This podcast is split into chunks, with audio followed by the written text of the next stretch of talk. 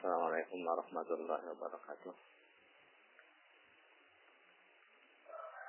Alhamdulillah wassalatu wassalamu ala Rasulillah wa ala alihi wa ashabihi wa man tabi'ahu ila yaumil qiyamah. Amma ba'du.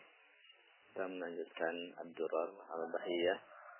Pada pertemuan yang lalu sudah dibahas uh, hukum orang yang menolak dari berbaiat kepada khalifah atau kepada al-imam.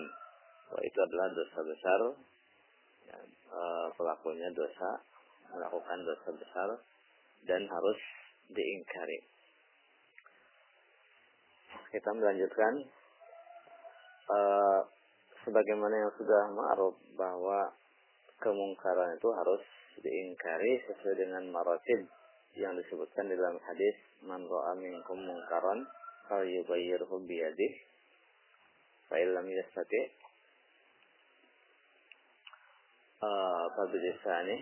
illam yastati fa bi qalbihi wa zalika adhaful iman Barang siapa orang di antara kalian melihat kemungkaran maka hendaklah merubahnya dengan tangannya. Kemudian kalau tidak mampu maka dengan lisannya, kemudian kalau tidak mampu maka dengan hatinya. Dan itu adalah iman yang paling lemah. Apa pelenyapan kemungkaran dengan tangan itu adalah saat apa ada kudroh. Saat ada kudroh dan itu e, wajib atas e, apa orang yang memiliki kemampuan terutama imam. Karena imam memiliki apa? Kemampuan. Al-Imam Abu Bakar Al-Jassas mengatakan Al-Amru bil Ma'ruf wa nahyu 'anil munkar lahuma halan. Al-Amru bil Ma'ruf dan An-Nahyu 'anil munkar itu memiliki dua keadaan. Yang pertama, halun yumkinu fiha taghyirul munkari wa izalatuhu. Keadaan pertama yaitu mungkin merubah dan melenyapkan kemungkaran itu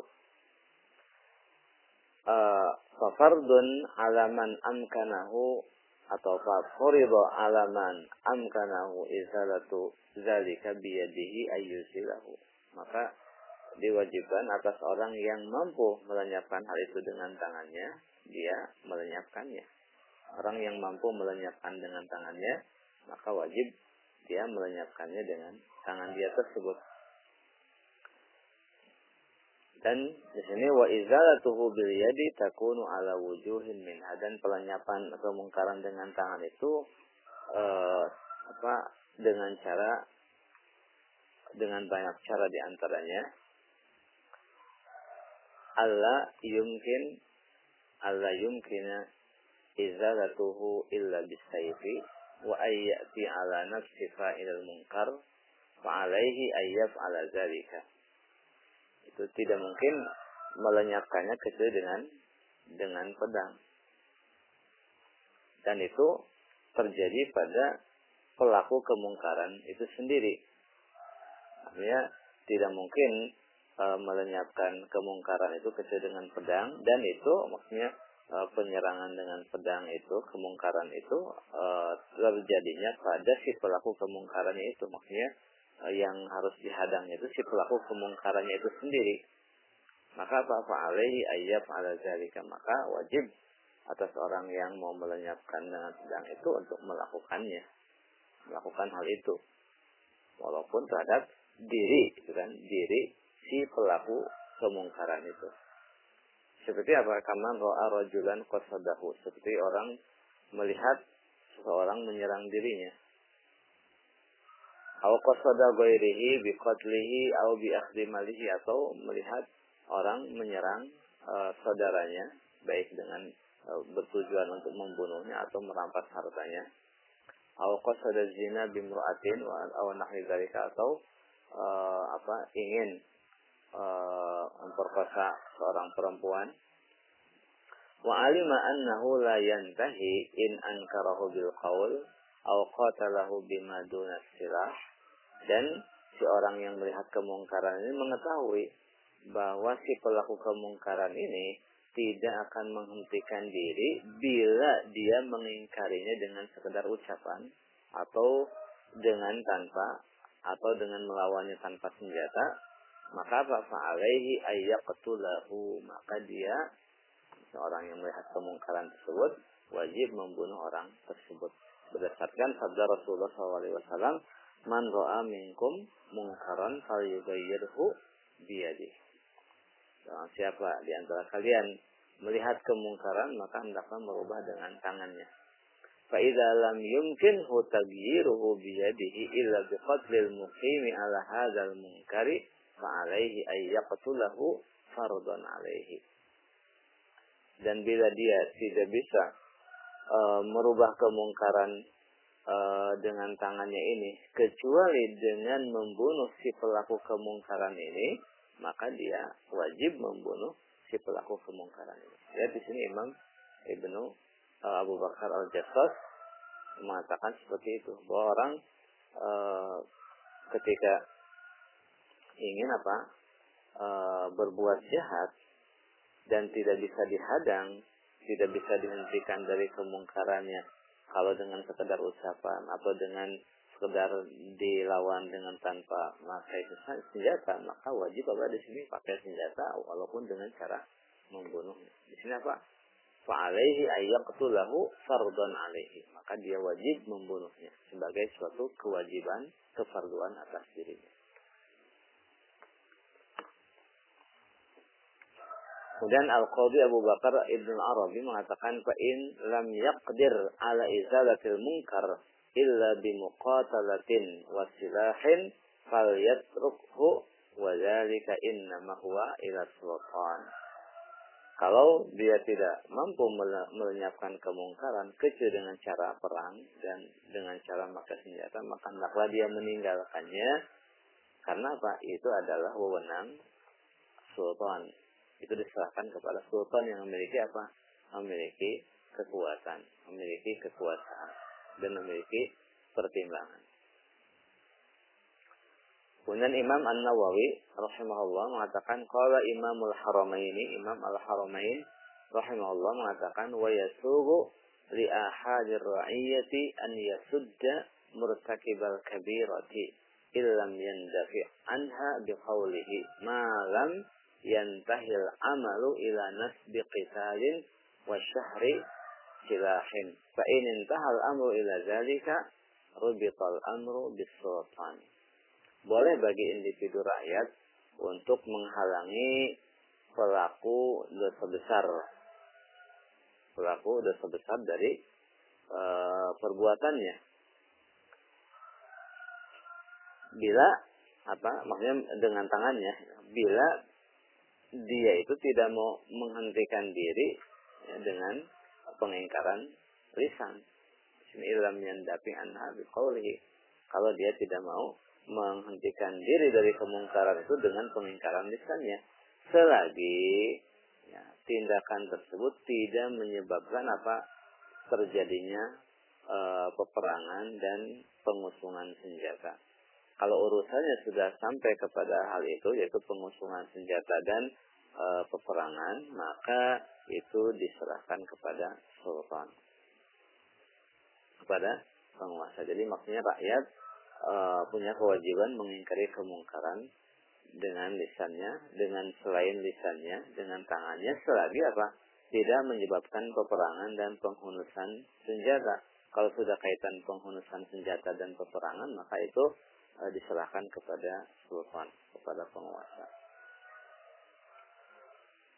Al-Imam Ash-Shawqani mengatakan, "Walakinnahu yuqaddimu al-mau'izata bil qawlil layyin fa illam yu'assir dzalika jaa bil qawlil khashin fa illam yu'assir dzalika intaqala ila taghyiri bil yad ثم al-muqatabatu illam yumkin at-taghyiru. Akan tapi dia mesti mengedepankan nasihat dengan ucapan yang lembut. Kalau hal itu tidak berpengaruh juga, maka dia menggunakan ucapan yang kasar. Kalau hal itu tidak berpengaruh juga, maka dia berpindah dengan menggunakan tangan. Kemudian apa dengan cara mukotalah dengan cara melawannya. Kalau apa? uh, kalau peng, perubahan pengerubahan kemungkaran itu tidak bisa terrealisasi kecuali dengan cara apa muqatalah dengan cara memeranginya. Jadi di sini uh, kemungkaran itu bisa bila tidak bisa dilenyapkan sesuai dengan cara peperangan, maka wajib atas apa? sultan, atas imam, atas khalifah untuk melenyapkan kemungkaran itu dengan qital. Dan ini adalah apa? Apa al-matlub, kewajiban bukan bukan al-margub, bukan anjuran. Jadi memerangi uh, pelaku kemungkaran supaya menghentikan diri dari kemungkarannya ketika sudah tidak mau menghentikan diri dengan cara yang dengan cara pengingkaran dengan lisan atau dengan e, tangan yang tanpa menggunakan senjata maka kalau tidak mau berhenti juga maka wajib atas sultan untuk memerangi. Ini bukan anjuran tapi keharusan.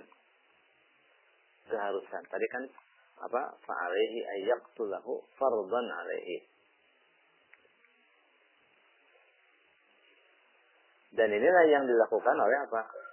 Khalifah Ali bin Abi Thalib dalam menyikapi orang yang menolak bayat kepada apa? kepada dirinya sebagai khalifah setelah beliau berupaya untuk menasehatinya dengan lisan uh, tapi tidak apa tidak uh, tidak mau orang-orang tersebut beranjak tetap bersikukuh menolak berbayat kepadanya maka Ali radhiyallahu taala anhu menggunakan apa? Menggunakan uh, kital untuk mengingkari, untuk memaksa mereka supaya mau meninggalkan perbuatan maksiat mereka itu apa? Menolak bayat supaya mereka menunaikan kewajiban itu apa? Berbayat kepada khalifah. Contohnya di sini Ali radhiyallahu taala anhu memerangi apa? Ahlus Syam. Ahlus Syam, Muawiyah radhiyallahu taala anhu dan para sahabatnya tatkala mereka apa tidak mau berbaiat kepada Ali radhiyallahu taala anhu. Ibnu Katsir dalam Al-Bidayah dan uh, Al-Bidayah wan Nihayah mengatakan, "Tsumma dakhalat sanatu sittin wa salasina min al-hijrah." Istahalat hadhihi sanatu wa qad tawalla Amirul Mukminin Ali ibnu Abi Thalib al-Khilafah. Kemudian masuk tahun 36 Hijriah. Pada tahun ini Ali radhiyallahu taala anhu telah menjabat sebagai khalifah. Wa waliya alal ansar uh, wa apa wa, wa waliya alal ansar nuwaban atau wa walla alal ansar nuwaban dan Ali meng, apa menunjuk gubernur-gubernur terhadap uh, wilayah-wilayah. Uh, wa walla ala Syam Sahla bin Hunayfin badala Muawiyah. Dan Ali menunjuk Sahal ibn Hunayf sebagai gubernur Syam sebagai pengganti Muawiyah. Fasara hatta balaga tabuka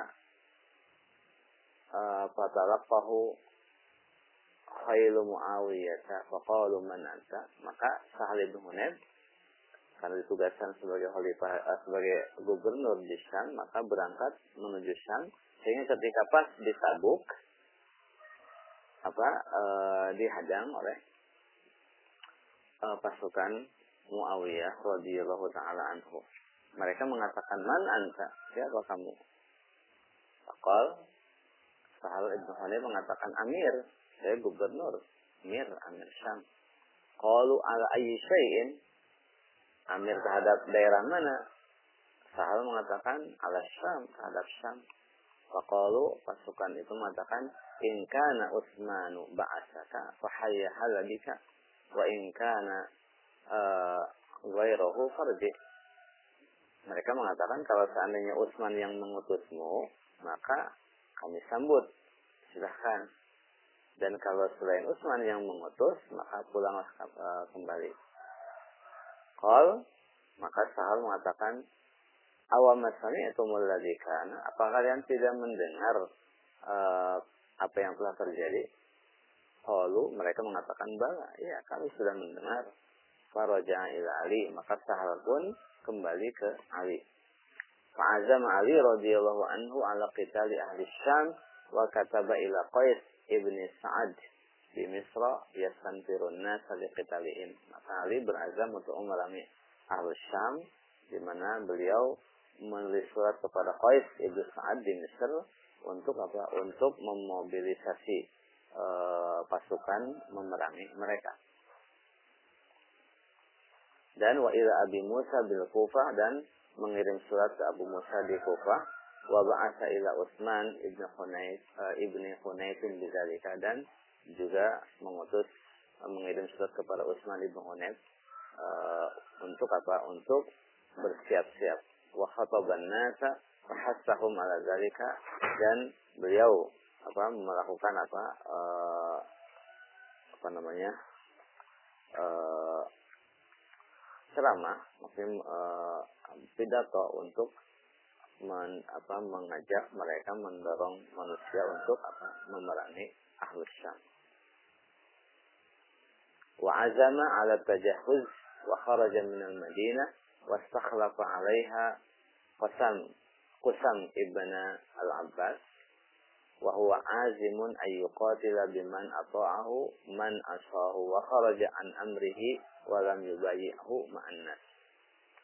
Ali e, berazam untuk bersiap-siap dan keluar dari Madinah dan menunjuk e, Qusam ibn Abbas sebagai e, pengganti di Madinah sementara dan beliau apa berazam untuk memerangi Eh, bersama orang-orang yang taat kepadanya, memerangi siapa orang yang maksiat kepadanya dan keluar dari perintahnya dan tidak mau berbaiat kepada dirinya bersama orang-orang. Wajah ilaihi ibnu al-Hasan ibnu Ali uh, dan putra beliau itu al-Hasan ibnu Ali mendatangi Ali. Akal terus mengatakan ya abadi dak hada fa inna fihi sabka dima'il muslimin. Hai ayah anda tinggalkanlah ini karena dalamnya terkandung penumpahan darah kaum muslimin. Wawuku al-ikhtilaf bainahum dan terjadinya perselisihan di antara mereka. Itu nasihat dari putranya. Jadi putranya Al-Hasan menganjurkan Ali untuk tidak apa tidak memerangi mereka. Karena mengandung penumpahan darah dan perselisihan. Falam yakbal min huzalika.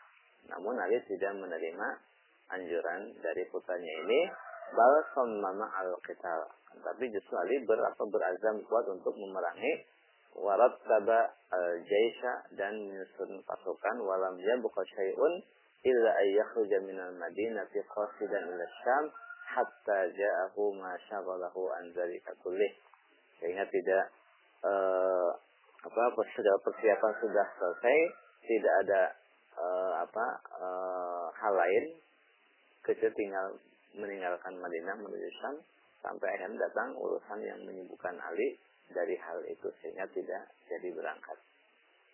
Ini di sini Ali radhiyallahu taala anhu berazam untuk memerangi apa?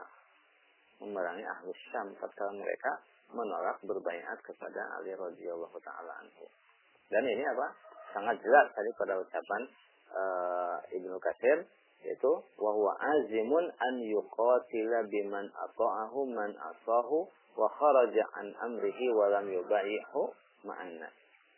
Beliau berazam untuk memerangi bersama orang yang menaatinya, memerangi orang yang maksiat kepadanya dan keluar dari perintahnya dan tidak mau berbaiat bersama orang-orang. Itu kata Ibnu Katsir.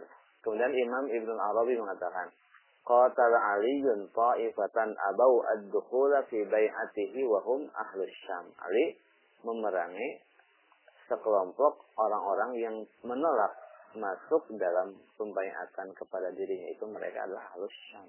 Ini sangat jelas wali memerangi ahlus syam itu karena mereka tidak mau berbaiat dan memerangi mereka dalam rangka memaksa mereka supaya mau ber, berbaiat.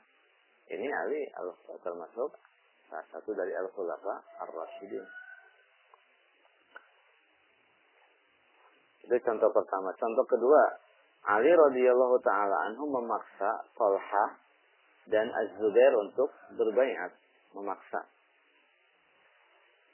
Jadi Talha dan Az-Zubair dipaksa oleh Ali radhiyallahu taala anhu untuk apa? Berbaiat. Ibnu Katsir dalam tarikhnya uh, menyebutkan bahwa Talha dan Az-Zubair itu tatkala ditanya ama bay'ata aliyan? Apakah engkau tidak berbaiat kepada Ali?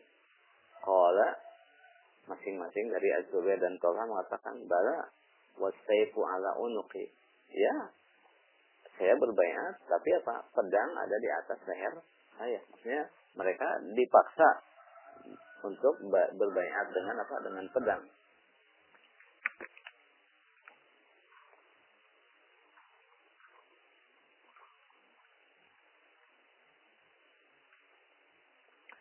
Begitu juga Ibnu Katsir menuturkan bahwa Ka'ab Ibnu uh, Sur Al-Qadhi datang ke Madinah pada hari Jumat.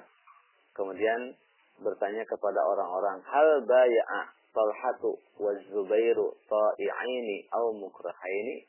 Apakah Talha dan Zubair itu berbaiat sukarela atau karena dipaksa?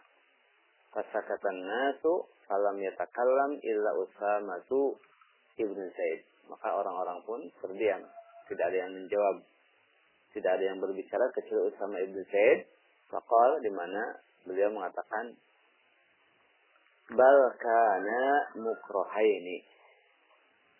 Bal kana mukrohaini. Justru kedua-duanya itu berbaikat karena apa? Mukrohaini dipaksa. Dipaksa. Pada uh, tempat yang sama menuturkan bahwa Ali menulis kepada Utsman bin Hunayf mengatakan di dalamnya tentang masalah Talha dan Az-Zubair. Ali mengatakan innahuma lam yukraha ala furqatin walaqad ukriha ala jama'atin wa fadlin fa in kana yuridani al-khul'a fala uzra lahuma kana yuridani ghayra zalika nazran wa nazarna. Sesungguhnya keduanya Az-Zubair dan Talha itu tidak dipaksa untuk e, berpecah belah. Keduanya dipaksa untuk berjamaah dan untuk mendapatkan keutamaan. Kalau keduanya menginginkan mencopot diri ya dari bayat, maka tidak ada utur, tidak ada uzur, tidak ada alasan dari keduanya. Dan kalau menginginkan selain itu, maka kami mempertimbangkannya. Di sini Ali radhiyallahu taala anhu eh, radhiyallahu taala anhu e, mengaku memang Tolha dan Az-Zubair dipaksa untuk berbaiat dan itu dipaksa untuk kebaikan dan untuk jamaah.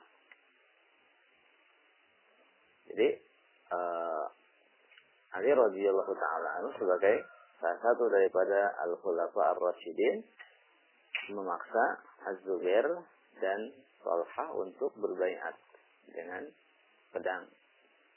Itu contoh kedua. Begitu juga uh, Ali radhiyallahu taala anhu memerangi uh, satu daerah di Mesir namanya Kharbata. Kharbata. Tatkala masyarakat di daerah ini menolak dari berbaiat Al-Hafidh Ibnu Katsir mengatakan qama Qais Ibnu Sa'ad fa khataba an-nas wa da'ahum ila al-bai'ah li Ali fa qama an-nas fa bay'uhu. Qais Sa'ad berdiri di hadapan manusia menyampaikan apa? pidato dan mengajak mereka untuk berbaiat kepada Ali, maka orang-orang pun bangkit membaiatnya. Wastaqamat lahu ta'atun wastaqamat lahu ta'atu biladi مصر سوى قرية منها يقال له خربة فيها ناس قد أعظموا قتل عثمان وكانوا سادة الناس ووجوههم وكانوا في نحو من عشرة من عشرة آلاف وعليهم رجل يقال له يزيد بن الحارث المدلجي. Negeri-negeri Mesir ya, istiqomah di atas ketaatan terhadap Ali selain satu daerah selain satu daerah yang disebut Kharbata di situ ada orang-orang yang apa mereka masih keberatan dengan apa masa pembunuhan Utsman radhiyallahu taala anhu. Dan mereka itu apa? Para tokoh masyarakat dan jumlah mereka itu sekitar 10 ribu yang dipimpin oleh seorang yang bernama Yazid ibn Haris al-Mudlaji. Itu kata Ibnu Katsir. Jadi di sini penduduk Khorbata ini tidak mau berbaiat dan mereka adalah ahlus syaukah memiliki e, kekuatan. Maka apa yang diperlakukan oleh Ali radhiyallahu taala anhu terhadap mereka? Ibnu Katsir mengatakan kata Ali ila Qais Sa'ad ayyazwa ahla kharbata alladzina takhallafu 'anil bai'ah. Faba'atha ilaihi ya'taziru ilaihi bi annahum adadun katsirun wa hum wujuhun nas. Maka Ali menulis surat kepada Qais bin Sa'ad untuk apa? Untuk menyerang penduduk kharbata ini yang menolak berbaiat kepada Ali. Maka Qais bin Sa'ad balik mengirim surat kepada Ali eh, apa meminta maaf yang minta uzur tidak bisa memerangi mereka. Kenapa karena jumlah mereka itu sangat banyak sekali dan mereka lah para tokoh masyarakat. Di sini Ali memerintahkan Qais bin Sa'ad untuk memerangi mereka. Tapi Qais menolak memerangi bukan karena eh, apa-apa tapi karena tidak memiliki kemampuan untuk memerangi mereka karena jumlah mereka sangat banyak sekali. Artinya, kalau seandainya memiliki kemampuan, maka Qais akan memerangi mereka.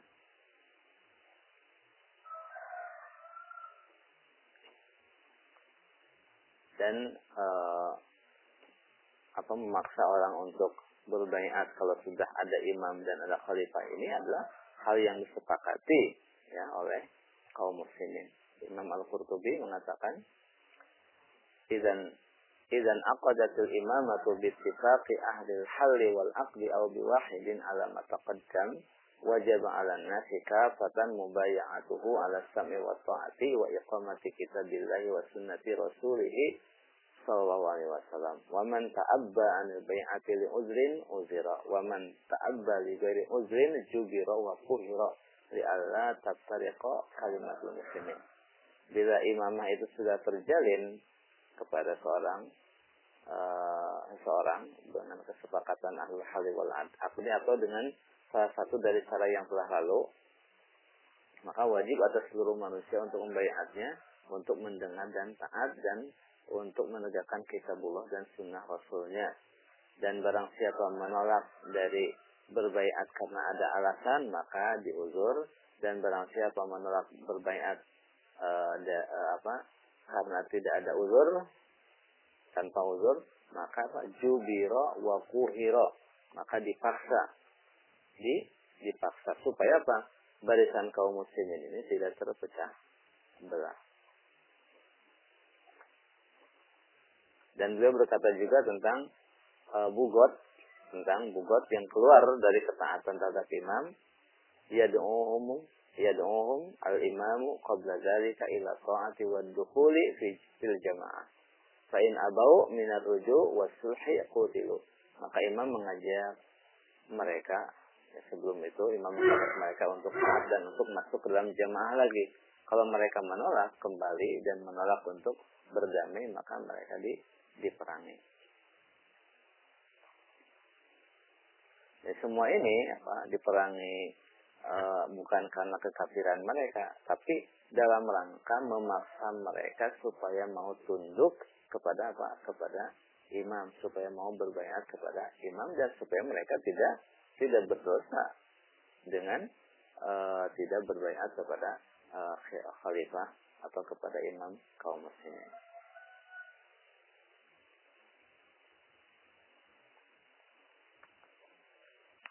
Di sini waqitalu hadza sinfi li bagyihi wa adami dukhulihi fi ta'ati wal jamaah wa laysa kufrihi.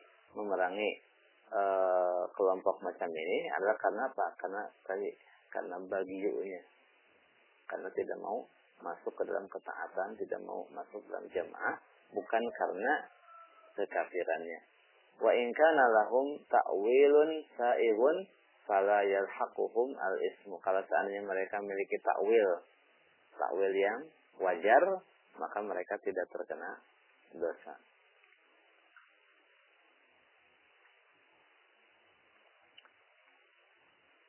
Kemudian Al-Hafidh Ibnu Hajar mengatakan tentang hadis man mata wa sapi unuqihi bay'ah mata mitatan jahiliyah wal murad bil maita al jahiliyah ya adalah halatul mauti kamauti ahli jahiliyah ala dolalin wa laysa lahu imamun muta'un li'annahum kanu la ya'rifuna dzalika wa laysa al-muradu annahu yamutu kafiran bal yamutu asian. Yang dimaksud dengan kematian jahiliyah itu adalah kemati keadaan kematian seperti matinya orang jahiliyah di atas kesesatan tidak memiliki pemimpin yang ditaati. Karena orang-orang jahiliyah tidak mengenal pemimpin tidak mengenal adanya pemimpin bukan maksudnya dia mati kafir tapi mati dalam keadaan maksiat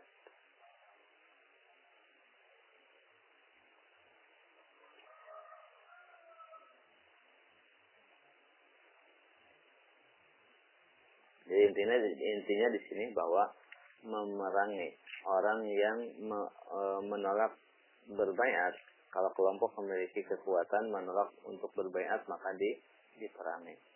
Orang yang tidak memiliki kekuatan maka dipaksa untuk berbaiat. Dan ini adalah tindakan yang apa? Yang sesuai dengan tuntunan manhaj sunnah wal jamaah. Jadi kalau seandainya daulah Islamiyah e, memaksa orang untuk berbaiat itu adalah memang kewajiban dari Allah Subhanahu wa taala untuk memaksa orang yang e, tidak mau berbaiat karena e, penolakan dari berbaiat itu merupakan tindakan yang apa melanggar hukum Allah Subhanahu wa taala dan merupakan kemungkaran kemungkaran tersebut harus di harus diingkari. Nanti insya Allah kita lanjutkan kita cukupkan dulu itu masih ada satu untuk satu pertemuan. Ya. Kita cukupkan. Wassalamualaikum Muhammadin wa wa sahbihi wa salam. Subhanakallahumma wa bihamdika. Asyhadu an la ilaha illa anta astaghfiruka wa atubu ilaik. Assalamualaikum warahmatullahi wabarakatuh.